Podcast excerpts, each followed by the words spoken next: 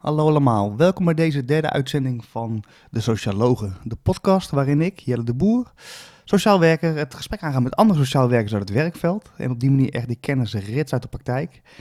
En vandaag ben ik het gesprek aangegaan met Justin van Riel. En ja, het is een enorm gaaf gesprek gevonden, geworden, vind ik zelf. Uh, Justin is namelijk sociaal werker, daarnaast is hij zelfstandig ondernemer, maar boven alles is hij drakenredder. En nou hoor je denken, wat is een drakenredder? Nou, daar gaat hij van alles over vertellen. Maar wat Justin enorm ziet en waar, ja, waarin hij mij enorm heeft geïnspireerd, is zijn gebruik van creativiteit. Hij ziet creativiteit ook echt als een serieus onderwerp. En echt een, een middel om te gebruiken als sociaal werker. En hij doet dat door meertalig te werken. En dan heeft het niet zoveel te maken met Frans, Duits of Nederlands. Maar juist met bijvoorbeeld het gebruik van beeldtaal, het gebruik van muziek, het gebruik van tekenen, het gebruik van het uh, vertellen van een verhaal. En op die manier kijken hoe je met mensen in contact kan komen. Dus kan triggeren om toch een uh, verhaal te laten doen, om zichzelf te uiten. En um, ja, dat is gewoon enorm gaaf. En daarbij heeft Justin echt een gave visie op het meedoen in de maatschappij. En hij betrekt daarbij eigenlijk, um, ja, eigenlijk kunstenaars, visies van kunstenaars, hoe zij op de wereld kijken. En hij ziet dat eigenlijk een soort gelijkenis met hoe hij naar de, de, nou ja, de wereld kijkt, naar de maatschappij kijkt en hoe je daarmee zou om kunnen gaan als mens. En daar gaat hij van alles over vertellen. Dus ga zo meteen daar lekker naar, uh, naar luisteren. Uh, daarvoor wil ik nog even vertellen dat deze podcast wordt mogelijk gemaakt door Zichtbaar met Jelle. Dat is mijn eigen bedrijf. En ik gebruik namelijk als sociaal werker zelf uh, vlogs, video, om uh, mijn werk beter te kunnen doen. wat heb je er wel eens over nagedacht dat je bijvoorbeeld activiteiten zichtbaar kan maken met video, om op die manier de drempel lager te maken en bewoners te kunnen verbinden aan de wijk. Of dat je bijvoorbeeld je vak zichtbaar maakt, zodat je eigenlijk doet aan horizontale verantwoording en ook nog eens een beetje mensen betrekt in wat je doet. En dat je wellicht ook nog wel eens uh, vakinhoudelijke discussies kunt voeren met mensen. Om op die manier het vak vorm te geven. Of dat je um, uh, resultaten zichtbaar gaat maken door middel van video. Dus dat je niet zozeer meer hele saaie verslaglegging doet. Van die documenten die in een la worden gestopt. Maar dat je daar een toffe video van maakt. Uh, is leuk om te doen en komt ook nog eens goed binnen. En dan zul je denken van ja, wie luistert daar naar, wie kijkt daar naar? En ik kan je vertellen dat de gemeente Utrecht hier al voor open staat en dat wij uh, binnen ons werk bij Wijnco, de sociaal maakorganisatie, al video gebruiken in onze verantwoording. En uh, ja, dat is natuurlijk super gaaf. Ik geef daar workshops in. Dus als je denkt van, hé, hey, dat lijkt me tof en ik wil dat graag leren, maar ik weet niet hoe. Uh, kijk even op mijn website www.jellendeboel.nu. want ik kan je helemaal meenemen op het pad van het vloggen zodat het eh, eigen wordt en dat jij dat ook gewoon zelf kunt gaan doen. Uh, nogmaals, kijk even op www.jellendeboel.nu voor, uh, voor het aanbod. En daar zijn ook de overige podcast-uitzendingen op van de sociologen. Dus neem gerust eens een kijkje. Voor nu zou ik zeggen, ga lekker luisteren naar Justin, want hij heeft iets heel tofs te vertellen. Komt-ie.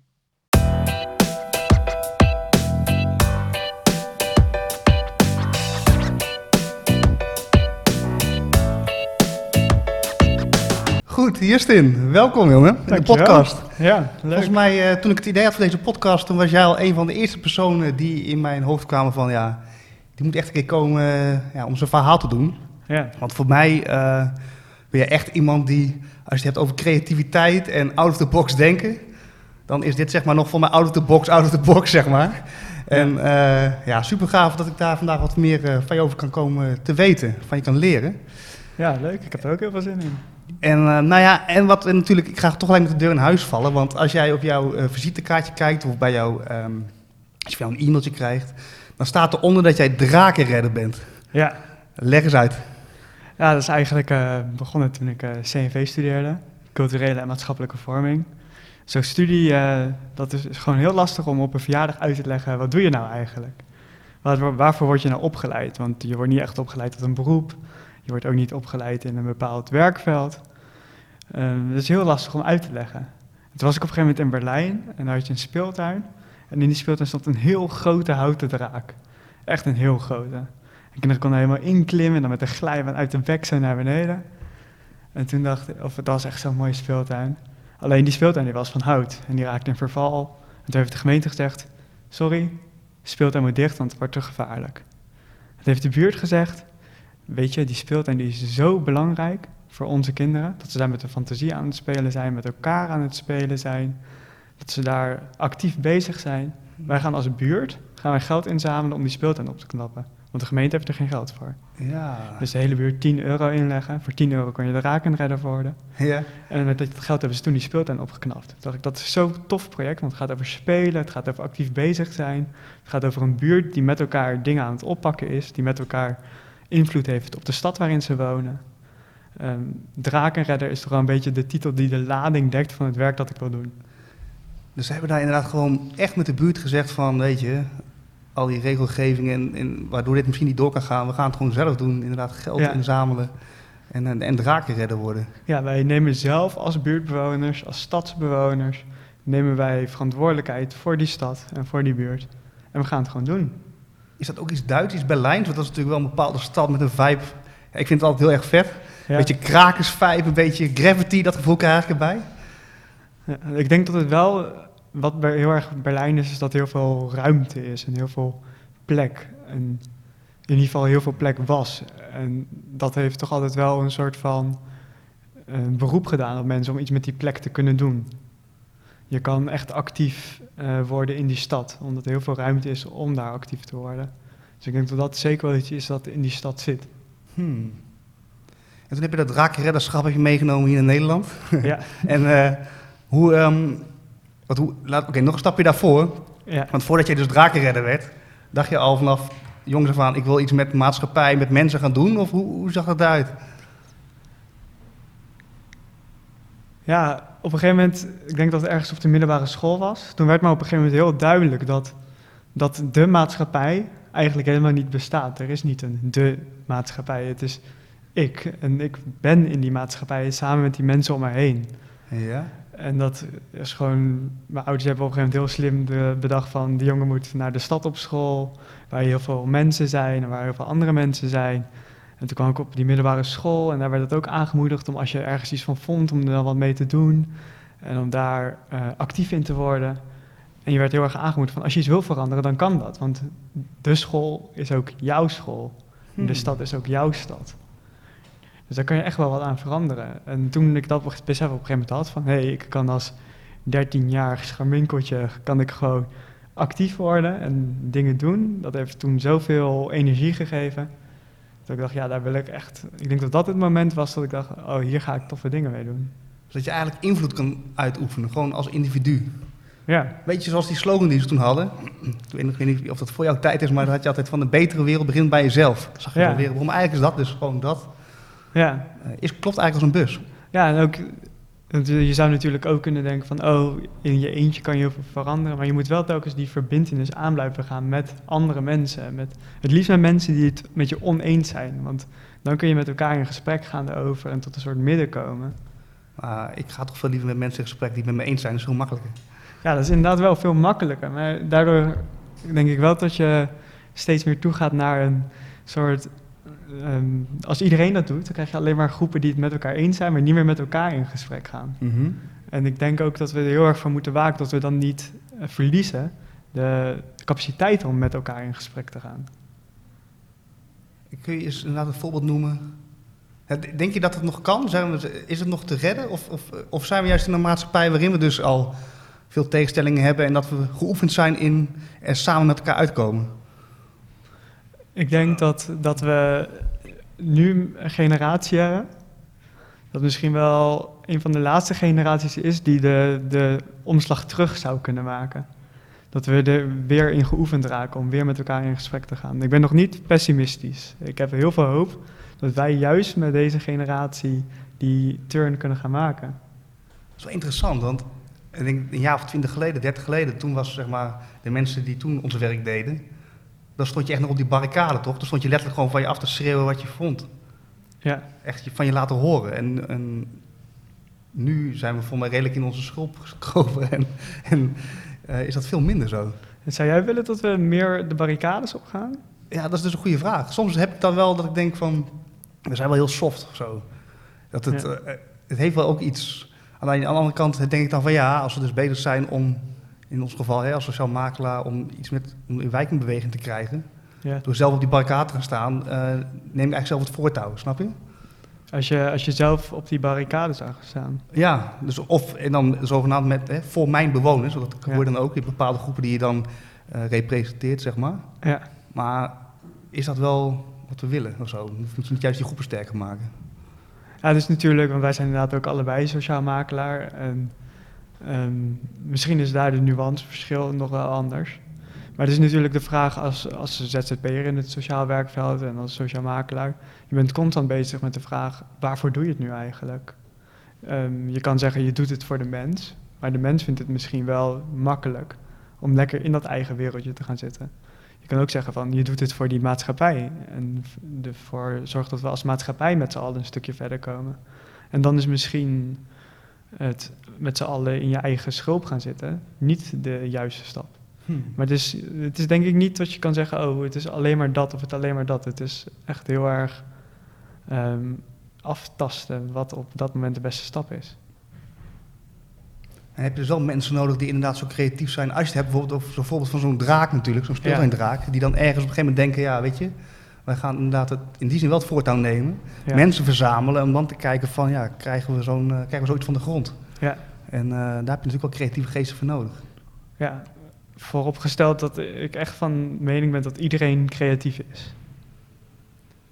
Ha, dat is een interessante, want ik denk altijd, ik weet nu pas op latere leeftijd dat ik creatief ben als je het hebt over nu bijvoorbeeld video bijvoorbeeld. Hè? Dat is wel iets waar Ja. ik helemaal los van ga, helemaal aan van ga. Ja, Maar vroeger, als je dan bijvoorbeeld kijkt naar school, op mijn basisschool, ik kon niet tekenen, nog steeds niet trouwens. nee. En eh, handvaardigheid was ook echt, nee, echt, daar was ik gewoon ook sowieso onzeker over. Dus creativiteit, dat heb ik eigenlijk al 30 jaar lang zo van, dat heb ik niet. Ja, Maar nu blijkt dus, nu je ouder wordt, dat, je, dat het eigenlijk veel breder is als handvaardigheid of tekenen. ja. Maar dat krijg je in die zin niet helemaal mee op school zo, snap je? Nee, nee, en dat is denk ik ook wel ook iets waar ik graag mee bezig ben met creativiteit op scholen. Maar hoe zit dat in elkaar? Als jij mij vraagt wat is creativiteit, heb ik daar echt totaal geen eenduidig antwoord op. Behalve dat ik denk dat het goed is om eh, meertalig te werken. Eh, waar denk jij aan bij meertaligheid? Ik ga nu alle talen bedenken die ik kan bedenken. Spaans, Engels, Duits, noem maar op. Ja. Eh, meertaligheid, zoals ik het versta, is dat, is dat een deel van die meertaligheid, de gesproken taal. Maar je hebt ook beeldtaal, je kan tekenen, je kan dingen in muziek eh, uitdrukken. Ehm, sommige mensen zijn goed in het vertellen van verhalen, anderen zijn heel goed met cijfers. En weer andere mensen zijn heel goed met multimedia. En je bewustzijn van meertaligheid en zelf meerdere talen beoefenen, ik denk dat daar wel een belangrijk deel van die creativiteit zit. Want als jij nu zegt van ja, ik heb mezelf nooit als creativiteit of als creatieve persoon gezien. En je ziet je nu zo zitten met je podcastprogramma wat je allemaal aan het uitrollen bent. ehm, als sociaal werker. Dus iets wat nooit is bedacht dat sociaal werkers ook moeten kunnen. Eh, dan ben jij nu gewoon aan het doen. Dan zou ik zeggen, nou, dat zijn toch echt meerdere talen die je dan aan het spreken bent. Dat vind ik bijzonder creatief. Ja. Ja, en, maar eigenlijk had ik dus nu denk ik van, als ik nu naar mezelf kon roepen naar, hè, naar de Jelle van, eh, van 10, 11 jaar, zeg maar. Ja, Dat je dan zeg maar nu als oudere broer zou kunnen zeggen van, er zijn er heel veel andere manieren om het te doen, zeg maar. En daar ben je wel goed in, zeg maar. Dus ja, om dat te stimuleren al op vroege leeftijd, dat lijkt me wel, ja. dat lijkt me eigenlijk wel, wel nodig of zo. En eh, ik vraag me af of dat nu gebeurt. Weet jij dat? Op, op scholen? Als je nu kijkt naar bijvoorbeeld het lespakket en zo. Gewoon echt op de basisschool. Hè? Dus de, de kinderen, zeg maar, die in, in die draak spelen als het ware. Ja, ik denk dat je eh, steeds meer positieve verandering ziet. Ehm, daarbij vind ik ook wel echt dat we daar, als we kijken naar het onderwijs, dat we er heel duidelijk in moeten zijn dat er in het curriculum en misschien in de vorm van onderwijs best wel het ene en kan, ander kan veranderen. Maar we hebben ook gewoon ongelooflijk veel heel gave docenten voor de klas staan, die heel veel toffe dingen doen. En volgens mij als je nu tegen het onderwijs gaat zeggen, hé, hey, jullie moeten weer wat veranderen, dan heb je heel veel docenten die denken, oh, gaan we weer. Ah. Dus die docenten, die moeten, we- we moeten daar echt voor waken dat die in de kracht blijven staan. Want dat zijn zoveel hele goede mensen die daar voor de klas staan. En daarbij denk ik, ja, we kunnen ook kijken of dat curriculum en de lessen die nu worden aangeboden, of dat nog wel helemaal past bij de samenleving zoals die nu in elkaar zit. Heel veel terug naar, naar die docent inderdaad. Want Ja. nu je dat zo zegt, denk ik van... Dat is ook zoiets, hè, dat, dat scholen... Er wordt veel gezeken, zeg maar. Gewoon veel mensen geven af op de scholen, op docenten. Dus Ja. het algemene beeld eh, is dat, dat het grote klassen zijn. Hè, ja, alle voordelen, zeg maar. Maar inderdaad, ik vind het echt... Het zijn gewoon helden die daar elke dag voor de klas staan. Ja, En, en natuurlijk zullen er een paar zijn die denken van nou, een paar jaar ben ik klaar en eh, ik zit hier mijn tijd uit. Maar er zullen ook mensen zijn, echt genoeg mensen zijn met passie en die echt, Ja. echt het verschil kunnen maken in iemands leven, zeg maar. Want iedereen heeft wel een docent gehad waarvan je denkt, ah, die kan ik me nog herinneren. Want die heeft Ja. mij inderdaad, nou misschien wel. ja, en wat kun je dan nog herinneren van die docenten? Dat is niet eh 1 plus 1, denk ik. eh, nou, het is wel grappig, want nu je dit dus zegt, komen er gelijk met mijn tekendocent en mijn handvaardigheidsdocent naar beneden. Waarvan ik dus echt dacht van, eh, ja, dat is dus niet echt een positief beeld dat ik ervan krijg. Want ik heb Ja. er gewoon onvoldoendes van. Eh, maar dat is wel grappig, want bijvoorbeeld mijn godsdienstleraar, die had zo'n brede kijk op, dat was eigenlijk geen godsdienst meer, dat was gewoon met humor, dat was wereldbreed, zeg maar. Ja. Dat dacht ik wel van, wauw, dat was gewoon een genot om daar te mogen zijn en, en daarna ook te mogen luisteren, zeg maar. Ja. Dus om- die pakten het gewoon veel breder aan. Ja, en als je het dan weer hebt over die talen die gesproken worden, wordt vaak gezegd dat onderwijs veel te veel focust op de geschreven taal en op de cijfertaal, dus op het Nederlands en op wiskunde, misschien nog wel een stukje Engels, maar dat is eigenlijk ook door een soort geschreven taal. Maar de verhalende taal, de kracht van verhalen vertellen, dat is iets waar docenten zo goed in zijn. De goede docenten, dat is echt ongelooflijk. Ik weet zelf nog een keertje, eh, zaten we bij wiskunde.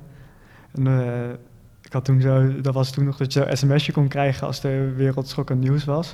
En toen kreeg ik zo'n sms'je, Ramses Shaffi overleden. Dus ik zeg zo tegen mijn wiskundeleraar, goh, moet je, ik weet niet precies wie het is, maar hij is eh, dood. En die docent die was echt een beetje zo in shock, want eh Ramses Shaffi vond hij echt heel bijzondere muziek. En toen hebben we de rest van de wiskundeles hebben Ramses Shaffi zitten kijken op YouTube en zo. En ik weet nog, nog zo'n goed moment, want dat verhaal wat die docenten bij vertelden, ehm, tot, dat ook, tot dat ook kan op een school. Dus je gooide gewoon even dus een lesprogramma aan de kant. En, die, Ja, en het feit dat je dit nu inderdaad nu vertelt, dat heeft gewoon indruk, dat heeft pas impact gemaakt. ja, en dat is dan toch dat wat jij ook aan het verzamelen bent bij mensen, dat verhaal wat mensen ergens bij kunnen vertellen. Ja. En, en heb je dit dus al van jongs af aan dan ook mee dat je hierin, eh, of heb je daar zelf als kind zeg maar, op een gegeven moment ook een omschakeling in gemaakt? Was je als kind al over- overal op allemaal verschillende talen zeg maar, dingen aan het uiten, zeg maar? Was je echt zo'n creatief kind? Of, of is dat ook Nou, is dat een proces gehad? ook wel steeds later, ehm, later gekomen. Ik zou niet precies weten wanneer ook.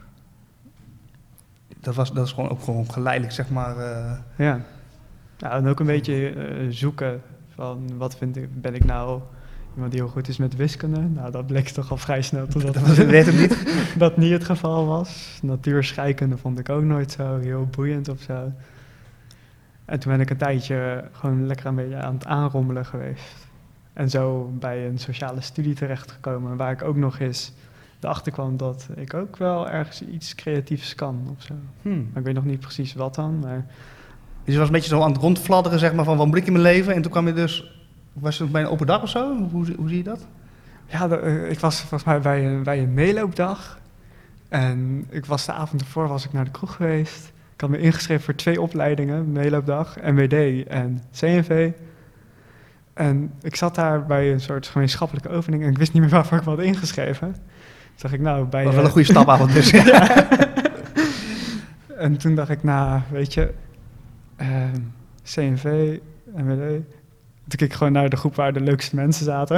dacht ik, nou, die groep, denk ik. Ik heb overigens MWD gedaan. Ja. ik zat aan de zijkant. En toen eh, ben ik maar met de CNV-groep meegegaan. Ik dacht, nou, die zien er wel leuk uit. En toen eh, gingen we in de klaslokaal zitten. En die docent die ging voor de klas staan en die zei... Ja, ehm, als je hier niet wil zijn, dan hoeft dat ook niet. Dan kan je gewoon... Weet je, je zit hier voor jezelf. Je hebt zelf voor gekozen om hier eh, te belanden. En dacht ik... Oh, dit zou nog wel eens wat kunnen. Want je kwam uit zo'n soort... ehm, dat je nog een leerplicht had en zo. Toen dacht ik, oh, dit is een goed begin. En toen hadden we het over kunstenaars en hoe kunstenaars naar de wereld kijken en wat kunstenaars voor de wereld kunnen doen. Eh, gewoon grote visie hebben en daar wat aan mee doen. Dacht ik, hey, dit is ook een manier van sociaal werken en van naar de, naar de maatschappij kijken. En sindsdien zit ik eigenlijk compleet op mijn plek daar zo. Of zat, want, Zat, eh, ja. ja, inmiddels zit ik hier zo. Maar moet je dus voorstellen dat zo'n man op die dag... Ik, ik, hij zal het waarschijnlijk niet eens zelf meer weten, maar alleen al die ene zin dat hij dus tegen jou zei van... Ja, eh, of tegen jullie zei van... Je mag hier zijn, wil je dat niet? ga gerust weg. Ja, Eigenlijk die ruimte, die vrijheid, daardoor ging volgens mij dan jouw creativiteit stromen. ja. In plaats van ze zeggen, ga zitten, we gaan dit doen, we gaan dat doen. Dan voel je eigenlijk Ja. al die hokkersgeest zo. ja. Vul deze vragenlijst in om te kijken of de opleiding bij je past. Ja, we hebben een match, of niet? Ja, precies. En, eh, nou, en toen heb je dus ingeschreven. Ja, En hoe, ehm, want ik weet natuurlijk dat jij ook wel iets later eh, ook echt wel bent bezig geweest met het vormgeven van de opleiding. Hoe, kunnen jullie dat, Ja. hè, hoe kan je nou ook het CNV dus laten, op een positieve manier laten meevormen met wat nodig is, denk ik zo? ja. Kun je daar wat over vertellen hoe dat is gegaan? Nou, we hebben toen op een gegeven moment kwamen we, waren wel studenten, we vonden daar natuurlijk dingen van. En toen dachten we, oh leuk om eh, daar wat dingen mee te doen. Alleen het waren best wel, het was toch ook zo'n opleiding die echt van die creatieve fladderaars aantrekt. Dus daar nou een manier voor bedenken van hoe kun je die nou na laten denken over de grote vragen als hoe ziet een opleiding eruit die je zelf nooit meer gaat volgen. Want tegen de tijd dat die nieuwe opleiding is ben je al afgestudeerd. Ehm, eh, hoe ga je die nou ook aan die tafel krijgen? We hebben echt een tijd zitten denken van hoe kunnen we dat nou op een manier voor elkaar gaan krijgen. Dachten we, weet je wat? We stoppen met de hele studentenvertegenwoordiging, want het werkt toch niet. Je krijgt die mensen niet aan een vergadertafel, stilzitten met een agenda. Maar dat was de manier, hè? Van Ja. we gaan een studentenvertegenwoordiging, inderdaad, Ja. je kan inschrijven, je mag meepraten aan een tafel. Ja, toen dachten we van, nee, dat werkt we stoppen ermee. Maar wat we vanaf nu gaan doen, we gaan met mensen die dat leuk vinden, gaan we één keer per maand, eh, gaan we eten maken, we kopen een goede fles wijn, gaan die fles wijn drinken en lekker eten. En we gaan het hebben over de opleiding en wat wij vinden dat belangrijk is aan die opleiding en wat we misschien vinden dat beter kan. Nou, en toen werd dat echt een soort hechte groep met wie we dat elke, elke maand gingen doen. En uiteindelijk had je dan toch weer een soort studentenvertegenwoordiging. Ah, dus eigenlijk dat, dat ook weer dat loslaten eigenlijk en het, de vorm loslaten en inderdaad... ehm, je kan natuurlijk van alles van vinden dat er onder, onder invloed van wijn allemaal plannen voor een school worden bedacht. Maar Ja. ik ben er ook groot voorstander van. Nee, maar dan heb je dus wel gewoon die tijd voor creativiteit, maar ook om met elkaar te connecten, zeg maar. Ja, ja, en je kiest een, een vorm die bij de inhoud van creativiteit past. Ik word er zelf altijd heel gelukkig van als vorm en inhoud heel goed op elkaar aansluiten. En als je het hebt over een opleiding die flexibel moet zijn, die moet inspelen op de toekomst, waarin creativiteit vorm moet krijgen. En je hebt daarbij een vorm van vergaderen, dat je aan een tafel zit met een agenda en waar mensen die naar hun zin hebben. Dan is het niet helemaal tot de vorm en de inhoud eh, elkaar versterkt. Nee, nee. Dus door middel van die andere manier heb je dat dus wel, waardoor, Ja, je... ja, dus het is niet zozeer dat je een vorm loslaat, maar je zoekt een vorm die bij de inhoud past, eh, die je eraan wil geven. Toen dacht iemand, hebben wij nodig. hey, en ehm, het, ben je dus bezig geweest inderdaad om plannen te bedenken voor zo'n opleiding waar je zelf klaar mee bent tegen de tijd dat je klaar bent. Ja. En hoe is dan dat einde geweest? Was er toen ook daadwerkelijk, is er verandering geweest? In, eh, Nou, wat echt wel een, eh, een heel bijzondere en inspirerende verandering was in dat hele proces. We hadden, eerst hadden we echt een soort medezeggenschapsstudenten die dan alles vonden over zo'n opleiding. En later kreeg je, we, we gingen er echt naartoe werken. We- Op een gegeven moment hebben we gewoon met managers daar zo om tafel gezeten van, joh, wat, wat vinden we hier nou? Eh, of we lijken de hele tijd met elkaar on- oneens te zijn. Maar dat is heel raar, want we hebben hetzelfde doel. Op het moment dat we dat met elkaar hadden uitgesproken, van hé, hey, jij bent niet de ander, jij bent niet iemand die tegenover mij staat, maar wij staan samen, we hebben hetzelfde doel, maar we zijn het wel met elkaar oneens. En dat, dat mag wel, je mag het met elkaar oneens zijn. wat kun je een voorbeeldje noemen dan waar, waar je dan oneens, waar, waar je dan tegenaan loopt? Bijvoorbeeld jullie tegenover eh, iemand, een, een docent, een struikelblok. Nou, het, het was niet zozeer een heel concreet struikelblok, het was meer ehm, dat heel veel mensen andere visies hadden over ehm, wat dan het belangrijkste voor die opleiding was. Maar met elkaar uitspreken van, maar de algemene visie is dat we een heel goede opleiding moeten hebben. En daar dan, dat is, het klinkt als een heel klein detailtje of zo, maar het is echt een heel belangrijk iets geweest om te beseffen dat we datzelfde doel hebben. En dat, eh, dat is ook echt een heel zinvolle verandering geweest. Ja, vanaf toen was er nog steeds wel van dat sommigen vonden dat er meer creatieve vakken moesten, anderen zeiden ja, er moeten meer andersoortige vakken. Ehm, maar je, je kwam er wel veel makkelijker uit door dat gemeenschappelijke doel helder te hebben. En ook En af en door- toe aan te stippen van luister. Ja. En door met elkaar dat gesprek aan te blijven gaan. Dat is wel interessant. want Ik zit nou inderdaad, want je zei net van, dat trekt allemaal van die, van die creatieve fladderaars aan. Dat zijn jouw woorden, hè? En dat je dan inderdaad hebt van, ja, moeten we dat dan, moet dat zo blijven? Of moet je inderdaad, moet je het vak serieuzer maken? Dus dat je meer richting MWD gaat. Waar je allemaal saaie acteurtoetsen aan het doen bent. Waar je denkt, eh, als je het hebt over rechtlijnen gesproken, maar goed. Dus ik inderdaad kan wel voorstellen dat je dan echt zo'n dynamiek hebt van, ja, hoe gaan we nou inderdaad dat vak, gaan we, ja, ga je nou inboeten op, op creativiteit of niet, of wel? Ja. Ja, ik vind het ook wel grappig dat je dan zegt van, of gaan we het vak serieuzer maken? Terwijl cre- creativiteit een ongelooflijk serieus onderwerp is. Dat is echt niet te onderschatten hoe serieus Ja. creativiteit kan zijn. En hoeveel kwaliteitseisen je dus ook aan creativiteit kan stellen. Ik, eh, ik zie creativiteit en serieusheid niet zozeer als, als tegenovergestelde zaken. Nee, je, hebt- je opent nu mijn ogen eigenlijk. Dat is wel echt tof. Je hebt helemaal gelijk. Ja, weet ik. Maar ergens is het dus inderdaad. Ik heb bijvoorbeeld ook bijvoorbeeld met vloggen. Ja, als Ja. mensen vlogs maken, als je dat voor de eerste keer gewoon doet, je pakt een camera, gaan ze heel serieus inderdaad vertellen wat ze doen. Volgens de professionele houding, wat je dan geleerd hebt of zo. Ja. Maar inderdaad, als je dat weet te doorbreken en je een stuk van jezelf laat zien en die creativiteit laat komen, dan komt het veel toffer over. Dan kan je je boodschap veel gaver laten zien. Ik denk dat een groot deel van, van tegenstellingen die er lijken te zijn, heel erg ehm, gevangen zit in die gesproken taal. Ehm, en dat daarom ook meertaligheid zo belangrijk is. Ehm, en waarom zeg ik dat? Je zei net iets en daar ging ik even op aan. Ehm, oh ja, professionaliteit. Dat is nog zo'n onderwerp dat, dat verschillende ladingen kan hebben. Ehm, als je heel veel met cliënten werkt en die best wel kwetsbaar zouden kunnen zijn, dan kan ik me echt heel goed voorstellen dat je een professionele afstand nodig hebt vanwege de relatie die je met zo iemand hebt. Maar ik denk in, dat, in die, dat, weet je, dat schaduwveld waarin wij zitten tussen allerlei verschillende, ehm, verschillende domeinen en sectoren, en dan ben je ook nog eens ondernemer en je bent sociaal makelaar, ehm, dat we daarin een soort professionele nabijheid hebben, die we met mensen aangaan, waarin we telkens zeggen, hé, hey, ik kom naast jou staan en samen gaan we dingen veranderen. Ik verbind me echt aan jou, totdat een, een professionele nabijheid is die er dus niet zo uitziet zoals veel mensen professionaliteit verstaan. Nee, wa- waardoor je eigenlijk alleen maar afstand creëert. Ja. Denk ik, als je te veel op een professionele manier nabijheid wil creëren, dan ga je juist alleen maar van elkaar af. Ja, maar het is wel eh, een, je, doet, je doet het wel met een bepaalde bagage en je weet wel waarom je bepaalde dingen doet. Dus dit is wel zeker een vorm van professionaliteit. Ja. Je hebt wel lef voor nodig, denk ik. In zekere zin. En oude- als je het over dus uit je comfortzone, ik vind het dan toch even leuk om bij jou aan te stippen. eh, dat toen jij hier kwam solliciteren, dat je volgens mij met een koffertje en met een hoed op, hoge hoed. Met een koffertje, geen hoed. Oké, die hoed. wel, leuk dat je die wel. erbij, Ja, die- wel leuk dat je die erbij bedenkt. ik zie het ook wel. Ja, ik, zie voor me dat je die had opgezet. Ja, en dan ben zegt meneer dat hij niet creatief is. Maar ondertussen bedenkt hij er wel een mooie hoed Heb je niet zo'n hoed dan? Nee. Oh. Dan moet je zeker een hoed aanschaffen. Ik zie zo'n hoge, zo'n hoge hoed voor me. Maar eigenlijk gewoon met een koffertje met spullen erin. Dan moet je, ja, ik Ja. gaan wat over vertellen. Maar je moet het maar durven.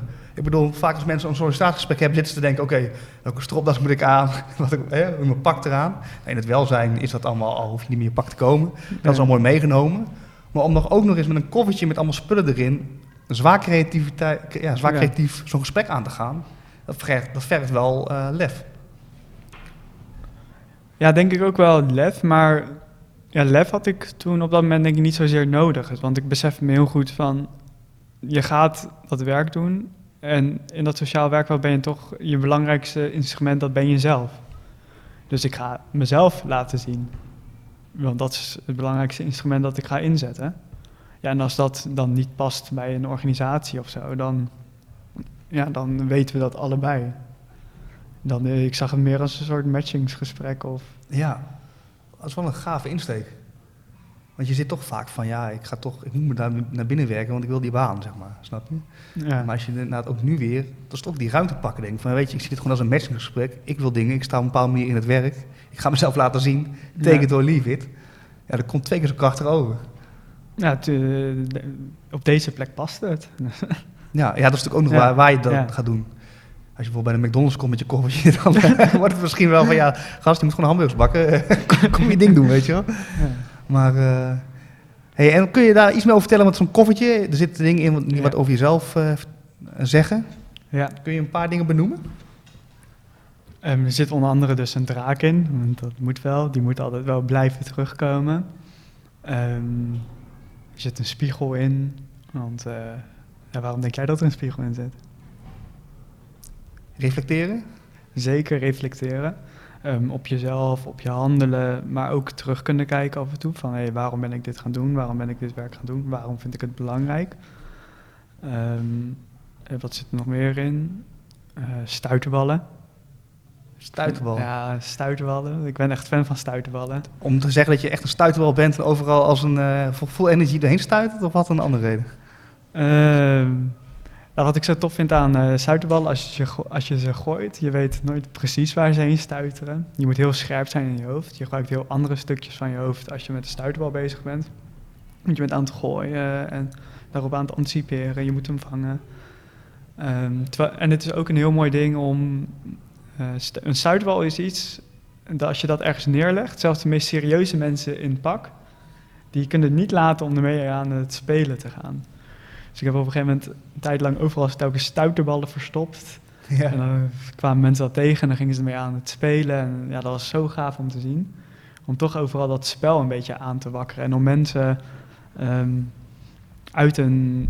Misschien is het ook wel uit een soort comfortzone of uit een, uit een dagelijkse gang van zaken te halen.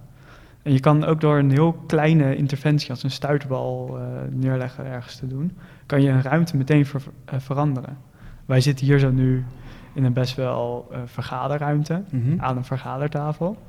Maar als ik hier zo nu twee stuiterballen neerleg, is de vergaderzaal ineens een speelzaal. Want dan Een squash krijg je dan. Ja. Ja. inderdaad. Mijn hoofd gaat nu gelijk, zie je dat? Ja, Jij zegt net en ik zie gelijk inderdaad hier een muur. Ik zie nog van die tennisdingen voor me en we gaan gewoon een potje squashen. ja, Ha, dus dat is wat gebeurt in het hoofd. ja.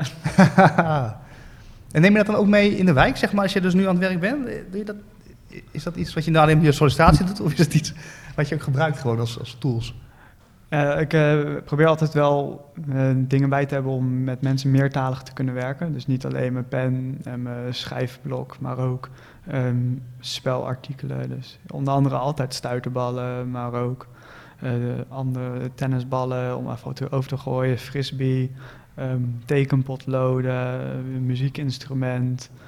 Eh, allemaal van dat soort dingen om eh, ook mensen die even wat minder goed zijn in praten of mensen die even wat minder goed zijn in dingen opschrijven, ehm, om die ook een manier te geven om ergens mee aan de slag te kunnen. En natuurlijk ook de rekenmachine en de pen om dingen op te schrijven. Ik probeer echt wel zoveel mogelijk van die talen mee te nemen in mijn werk. Ja. Je moet ook zo'n koffertje hebben, als ik nou te bedenken. Maar dan, moet, maar dan nog, als ik dan zo'n koffertje zie, Ja, inderdaad, ik hoor jij nu dat allemaal beschrijven. Denk oh ja, je hebt gelijk, zo kan je dat gebruiken, zo kan je dat gebruiken. Maar dan moet je dus ook nog, als ik, ik denk dat ik, is dat te oefenen of zo? Of is er een soort gebruiksaanleiding bij? Want inderdaad, iemand die daar niet zo vol mee bezig is, die denkt, oké, wat moet ik nou met een stuiterbal? Nu jij dit hebt uitgelegd, denk ik, ja, weet je, ja. ik moet gewoon een stuiterbal meenemen, ook naar mensen toe zometeen. Is te stuiteren en... Het is altijd Ah. een lastige discussie of creativiteit te oefenen is.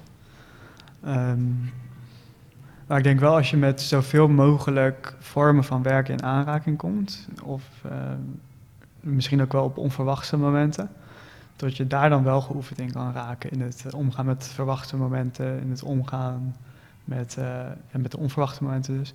En in het omgaan met dingen die net iets anders zijn dan je normaal gewend bent. Dat je daarin geoefend kan raken als mens. Eh, waardoor je de volgende keer eh, makkelijker en anders op bepaalde situaties kunt reageren. En daarbij natuurlijk inspiratie, want jij hebt nu al met dit verhaal, heb je mij geïnspireerd. Je hebt mijn hoofd als het ware aangezet om ook zoiets te gaan doen.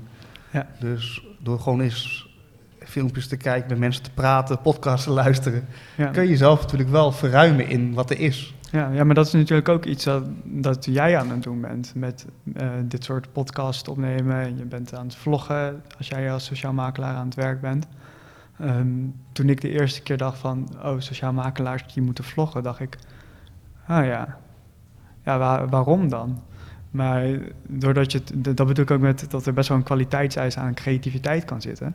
Jij doet dat op zo'n ehm, vlotte en leuke manier dat het echt zijn meerwaarde laat zien. Je bent echt aan de waarde van het werk aan het laten zien. Waardoor het ook een heel krachtig middel wordt. Ehm, dus dat- dat mensen inspireren en mensen aanzetten tot dit soort dingen doen, dat kan denk ik in al die verschillende talen. En dat is ook iets wat jij aan het doen bent. Ja, dat is waar.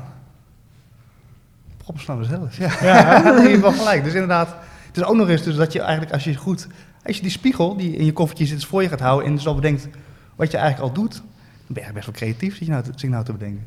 Ja, ja, ik hoor wel eens mensen die zeggen dan van, ja, ik ben niet creatief. eh, en die gaan dan een verhaal vertellen en dan vertellen ze een ongelooflijk mooi verhaal. Ik, ho- hoezo niet creatief? Ja. En dan ook gewoon eh, soms dingen doen die je dan misschien in eerste instantie niet zomaar zou doen, maar gewoon gaan proberen. Dus inderdaad, dus eh, ga, ga eens een keer een, een vlog maken of, Ja. of, of ga een keer met zo'n koffertje aan de gang of, en ga het gewoon eens doen, zeg maar, om te ervaren. Ja, Ervaringsleren. inderdaad. Dat, eh, en als je dan, die, je, je zei in het begin van het gesprek is interessant, want je zei van, ehm, als je het hebt over creativiteit, kunstenaars, dat daar een hele,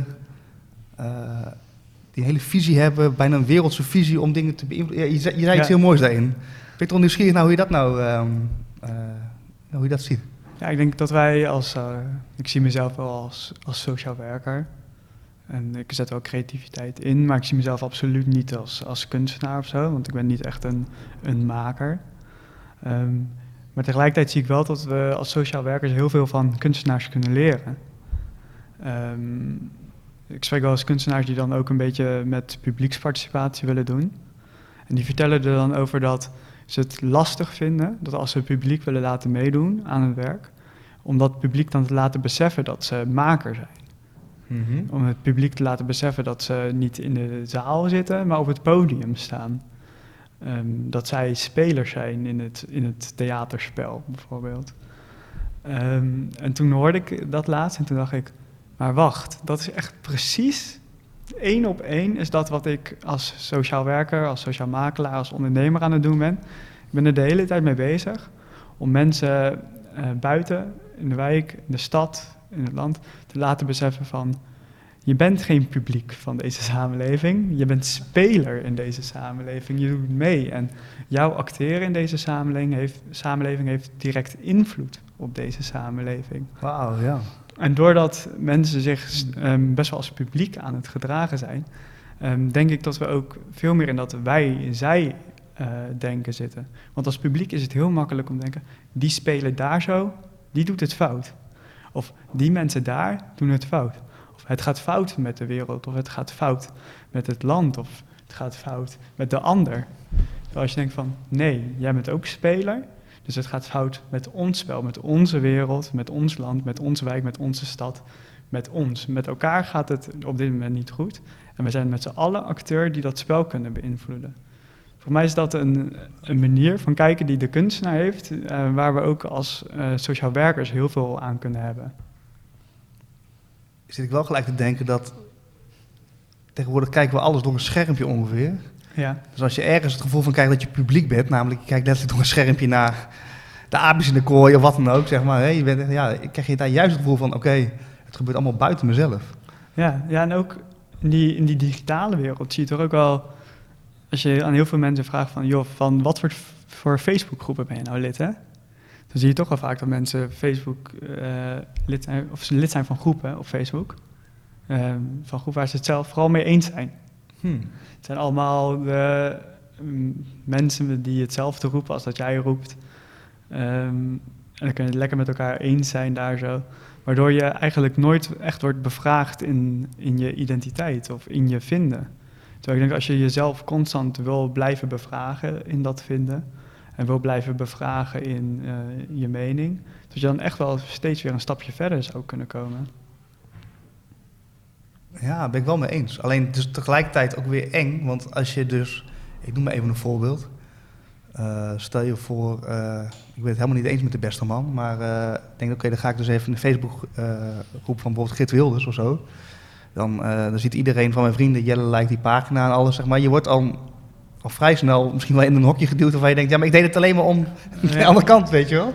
Dus doordat alles zo Ja. dat je eigenlijk alles wat je doet, staat alweer een raampje waar andere mensen doorheen kijken wat je aan het doen bent en daar van alles wat van vinden. Maar terwijl ik denk dat best wel, als jij eh, een Facebookgroep leuk zou vinden waar je het totaal niet mee eens bent, en vrienden zeggen van, joh, waarom?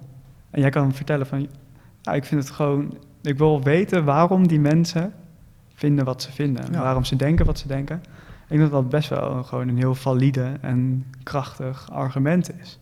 Dus dat je daar helemaal niet voor hoeft te schamen of bang voor hoeft te zijn. Nee. Toch voelt het wel een beetje onveilig of zo. Ja, het is best gek. Je- Maar dat is dus wel bizar. Terwijl ik zelf, zelf heel erg bezig ben met social media en al die dingen. Ja. Maar ik zie dan ook, bijvoorbeeld dan zie je wel eens dat iemand bijvoorbeeld een pagina heeft geliked van eh, eh, een babyding of zo. Weet je, en ik, oh, eh, dan ga je gelijk eh, toch een soort van ehm ding oh, zal ze zwanger zijn? Word je in één keer, weet je wel, zo. Terwijl je echt denkt van, waarom, ik wil dit eigenlijk helemaal niet. Maar Ja. je- hoofd gaat het doen, zeg maar. Je gaat je opeens bemoeien met iemand in je hoofd waarvan je denkt, waarom doe ik dit eigenlijk? Maar dat zijn al die prikkels die je krijgt. Nou, ik denk dus dat ook een deel van dat, dat soort onveilige gevoel wat je dan hebt, dat dat eruit voortkomt dat we steeds minder geoefend raken in met andere meningen omgaan. Dat, dat dat een soort proces dat zichzelf in gang houdt. En ik denk dat, ehm, dat juist die omslag weer gaan maken met elkaar. Dus juist weer op zoek gaan naar die andere mening dan wij zelf hebben. Ehm, en dat ook als professionals. Daarvoor zorgt dat die mensen met verschillende meningen elkaar weer tegen gaan komen. Eh, dat verschillende domeinen die we in de, binnen de maatschappij, tot die weer met elkaar gaan mengen. Ehm, tot we daarmee een stuk van die angst kunnen wegnemen. Ook al is die eerste stap heel moeilijk, maar ik denk wel dat eh, oefenen met omgaan met die angst, dat dat een van de stappen is die we nu moeten gaan nemen met elkaar. En ik denk dat een van de, van de manieren waarop we dat kunnen doen, is ehm, de verschillende domeinen waarin veel mensen werken, verschillende sectoren waarin veel mensen werken, ehm, met elkaar in contact brengen. En dat is ook iets dat, dat, want je moet altijd afvragen wat je voor de maatschappij kan doen en niet de maatschappij voor jou kan doen. Dat je, nog even hoor, Ja. Moet je altijd afvragen dat, Wa- Wat jij kan doen. ja, dat je en kan niet- bijdragen eigenlijk, Ja, in plaats ja. van het afnemen. Ja, en, en vooral ook wat jij kan doen. Wat jij ook zei aan het begin van verbeter de wereld, begin bij jezelf. Vraag je altijd af, wat, wat kan ik doen? En ik denk dat op dit moment wat ik kan doen, als ik aan het werk ben als ondernemer en als sociaal makelaar, is in die domeinmengeling iets in betekenen. Dus samenwerkingsprojecten opzoeken met gemeenten, met het sociale domein, met het culturele domein. Ehm, dat ik daarin al verandering kan brengen. Hm. Door ehm, culturele instellingen met sociale instellingen in contact te brengen. Dat je toch wel eh, een soort stigma ziet dat sociale instellingen, dat is vooral veel voor de, wat, wat mensen die het moeilijker hebben. Culturele instelling, dat is voor de, voor de blanke rijke mensen. Ja, ja. En juist die instelling dan met elkaar dingen laten doen. Op die manier ook verschillende soorten mensen met elkaar in contact laten komen. Ik denk dat dat is wat ik nu zou kunnen bijdragen daaraan. Ja, en daarbij is dan dus essentieel dat je dus verschillende talen hebt. Omdat je dus inderdaad Ja. waarschijnlijk mensen bij elkaar krijgt die niet dezelfde taal, in welke vorm dan ook, spreken. En, Ja, en- nou wat je dan vooral ook wel ziet is dat mensen de gesproken taal compleet langs elkaar heen praten. En dan wordt het heel leuk om te gaan experimenteren met andere talen, ja. met beeldtalen. Om via die weg eh, te kijken of mensen misschien wel hetzelfde bedoelen, Ja. terwijl ze het anders verwoorden. Dat is vaak het mooie van muziek bijvoorbeeld. Hè? Dat als je dan, maakt niet uit wat Ja. voor taal, als je gewoon dan samenspel hebt, dat je dan gewoon verbroedert of zo, weet je wel. Ja. Dat zie je altijd, weet je, Loet of van die jam sessies of zo. Mensen die soms gewoon elkaar niet kennen en die gaan zo'n podium op en dan ontstaat er iets. Dat je met z'n allen een doel hebt en dat je gewoon eh, ja, even die taal aan de kant zet of zo. Ja, En volgens mij is dat ook wat jij dan probeert van... Ja, inderdaad, probeer als het misloopt op, op taal, probeer dan iets anders te vinden... waardoor je wel met z'n allen in die vibe komt en een ja. stukje kan verbeteren aan de maatschappij, zeg maar. Ja. Ja, en het is ook, ook heel goed om dan... Het gaat er vooral om dat we die, die ander weer gaan zien in de samenleving. Degene die anders is dan eh, dat jij gewend bent. Want je hebt echt die ander gewoon zo hard nodig om zelf als persoon verder te komen, ook al is het eng.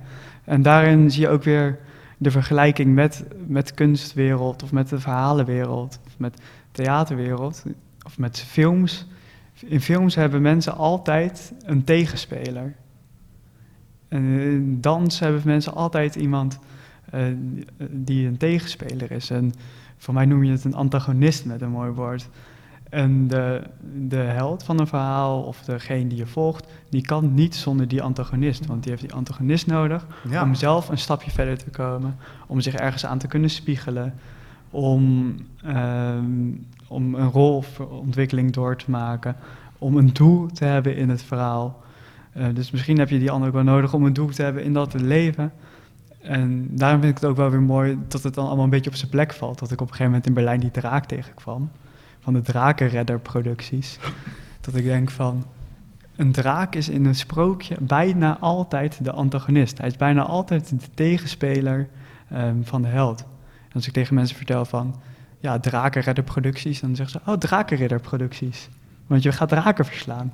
Ja. Nee, ik ga draken Slayer. ja, nee, ik ga draken redden. Want ook die ander, ook die tegenspeler, die hebben we nodig. Dus daarin passen drakenredder-producties ook nog eens mooi in het verhaal. Wauw, heel mooi man. Inderdaad, gewoon Ba- Batman kan niet zonder de Joker en andersom, zeg maar. Die hebben gewoon elkaar nodig. Ja, en dan is, is het in de samenleving natuurlijk niet zo dat we de goede en de slechte hebben. Ehm, maar we hebben wel elkaar nodig. En juist ook die mensen die anders zijn. Dan kun je groeien. Zeker. Wauw, ja, dat is wel, ik vind het wel een hele mooie... Voor mij is die cirkel weer rond zo, zeg maar, hoe je dat nou allemaal zo hebt uitgelegd. Hoe, eh, geef je jezelf een plug voor eh, jouw drakenredderproducties? Want, wat, want waar kunnen mensen jou voor... ehm, Voor de feestjes, de partijtjes ja. en de ongeintjes. voor een heldendaad en voor de onverlaat. Laten wij samen de draak redden om de samenleving heel veel mooier, liever en vooral heel veel interessanter te maken. En hoe ziet dat er concreet uit? Zeg maar, als mensen hier nou niet naar jou hebben geluisterd, denken echt van ja, weet je, eh, die- volgens mij kun je gewoon heel veel ma- mensen raken met dit verhaal. Maar eh, ik wil eens eh mee aan de slag. Hoe, hoe- Ik hoop dat er heel veel mensen aan het luisteren zijn. ehm, die het hartstochtelijk oneens zijn met mij. En die daar graag een keertje verder over willen nadenken samen met mij. Ik hoop dat er ook veel mensen zijn die denken: ja, ik zit nu wel in een sector en we kunnen ook wel mensen van andere sectoren gebruiken. En om op die manier met elkaar na te gaan denken. Ik hoop dat er mensen zijn van gemeentes die zich bezighouden met hoe ze nieuwe wijken aan het inrichten zijn. Die denken, wacht, misschien moeten we die wijken inrichten op een manier waarop verschillende mensen elkaar tegenkomen. En waarop we ook leren hoe mensen met die verschillen kunnen omgaan. Ik hoop dat dat soort dingen heel erg gaan gebeuren naar aanleiding van deze vlog. Of podcast. Podcast. Podcast. Ja, dat is ook, vind ik ook nog wel mooi inderdaad. Dus als je ook hebt over wijken, die kan je anders inrichten. Maar dat is niet het enige wat nodig is. Want je hebt ook nog vervolgens nodig dat mensen leren hoe ze dan inderdaad met die tegenstellingen met elkaar Ja. kunnen samenleven, zeg maar. Ja, als je nu kijkt naar steden, dan is er iets heel raars gebeurd. Want misschien is het ook wel echt heel logisch, want het voelt heel veilig. Maar volgens mij was het, was het Hausman die op een gegeven moment heeft bedacht van... we gaan steden inrichten en we doen een hele grote brede laan. En dan aan de ene kant van die laan wonen dat soort mensen. En aan de andere kant van die laan wonen dat soort mensen. En daar begint het dus eigenlijk al. Je ziet het in Utrecht ook, aan de ene kant van het spoor... eh, en aan de andere kant van het spoor, de huizenprijzen die verschillen gewoon Ja. een paar ton. Ja, hier heb je Overvecht en aan de andere kant zit je in Noordoost. Zeg Ja. maar, arm versus rijk, zeg maar. Zo kan je het ongeveer wel zien, denk ik. Ja, En dat moet dan gemengd worden en zo, maar dat mengt natuurlijk niet. nee. Door al hoe het is ingericht. Nee. En ik denk dat als we daar zo gaan, in gaan samenwerken met sociale sectoren, met culturele sectoren, met de gemeente en met alle andere sectoren die daaraan mee willen werken, dat we dan echt die stad tot stad kunnen maken. Een stad waarin mensen elkaar ontmoeten en samen werken aan die samenleving. Mooi afsluiten, man. Ik vind hem echt eh, top zo. Hoe, hoe kunnen mensen jou bereiken? Ehm, dat kan altijd via contact.justinvanriel.nl um, drakenredderproducties.nl kun je ook contactgegevens op verzinnen. Ehm, laat het vooral weten. Twitter, justinvanriel.nl Alles gewoon, eh, gewoon vindbaar. Ja, Google eh, is een wondermiddel. Ja, dat is wel het mooie van deze tijd. Alles is gewoon beschikbaar en eh, wanneer jij dat wil. Dus eh, helemaal top. Ik wil echt eh, super bedanken. Echt, je hebt ook. mij in ieder geval, ook is er... Ja, ik ben, nou, ik ben dus wel heel erg met je eens, dus dat vind je waarschijnlijk niet relaxed. ik ben niet jouw, eh, eh, hoe zeg je dat?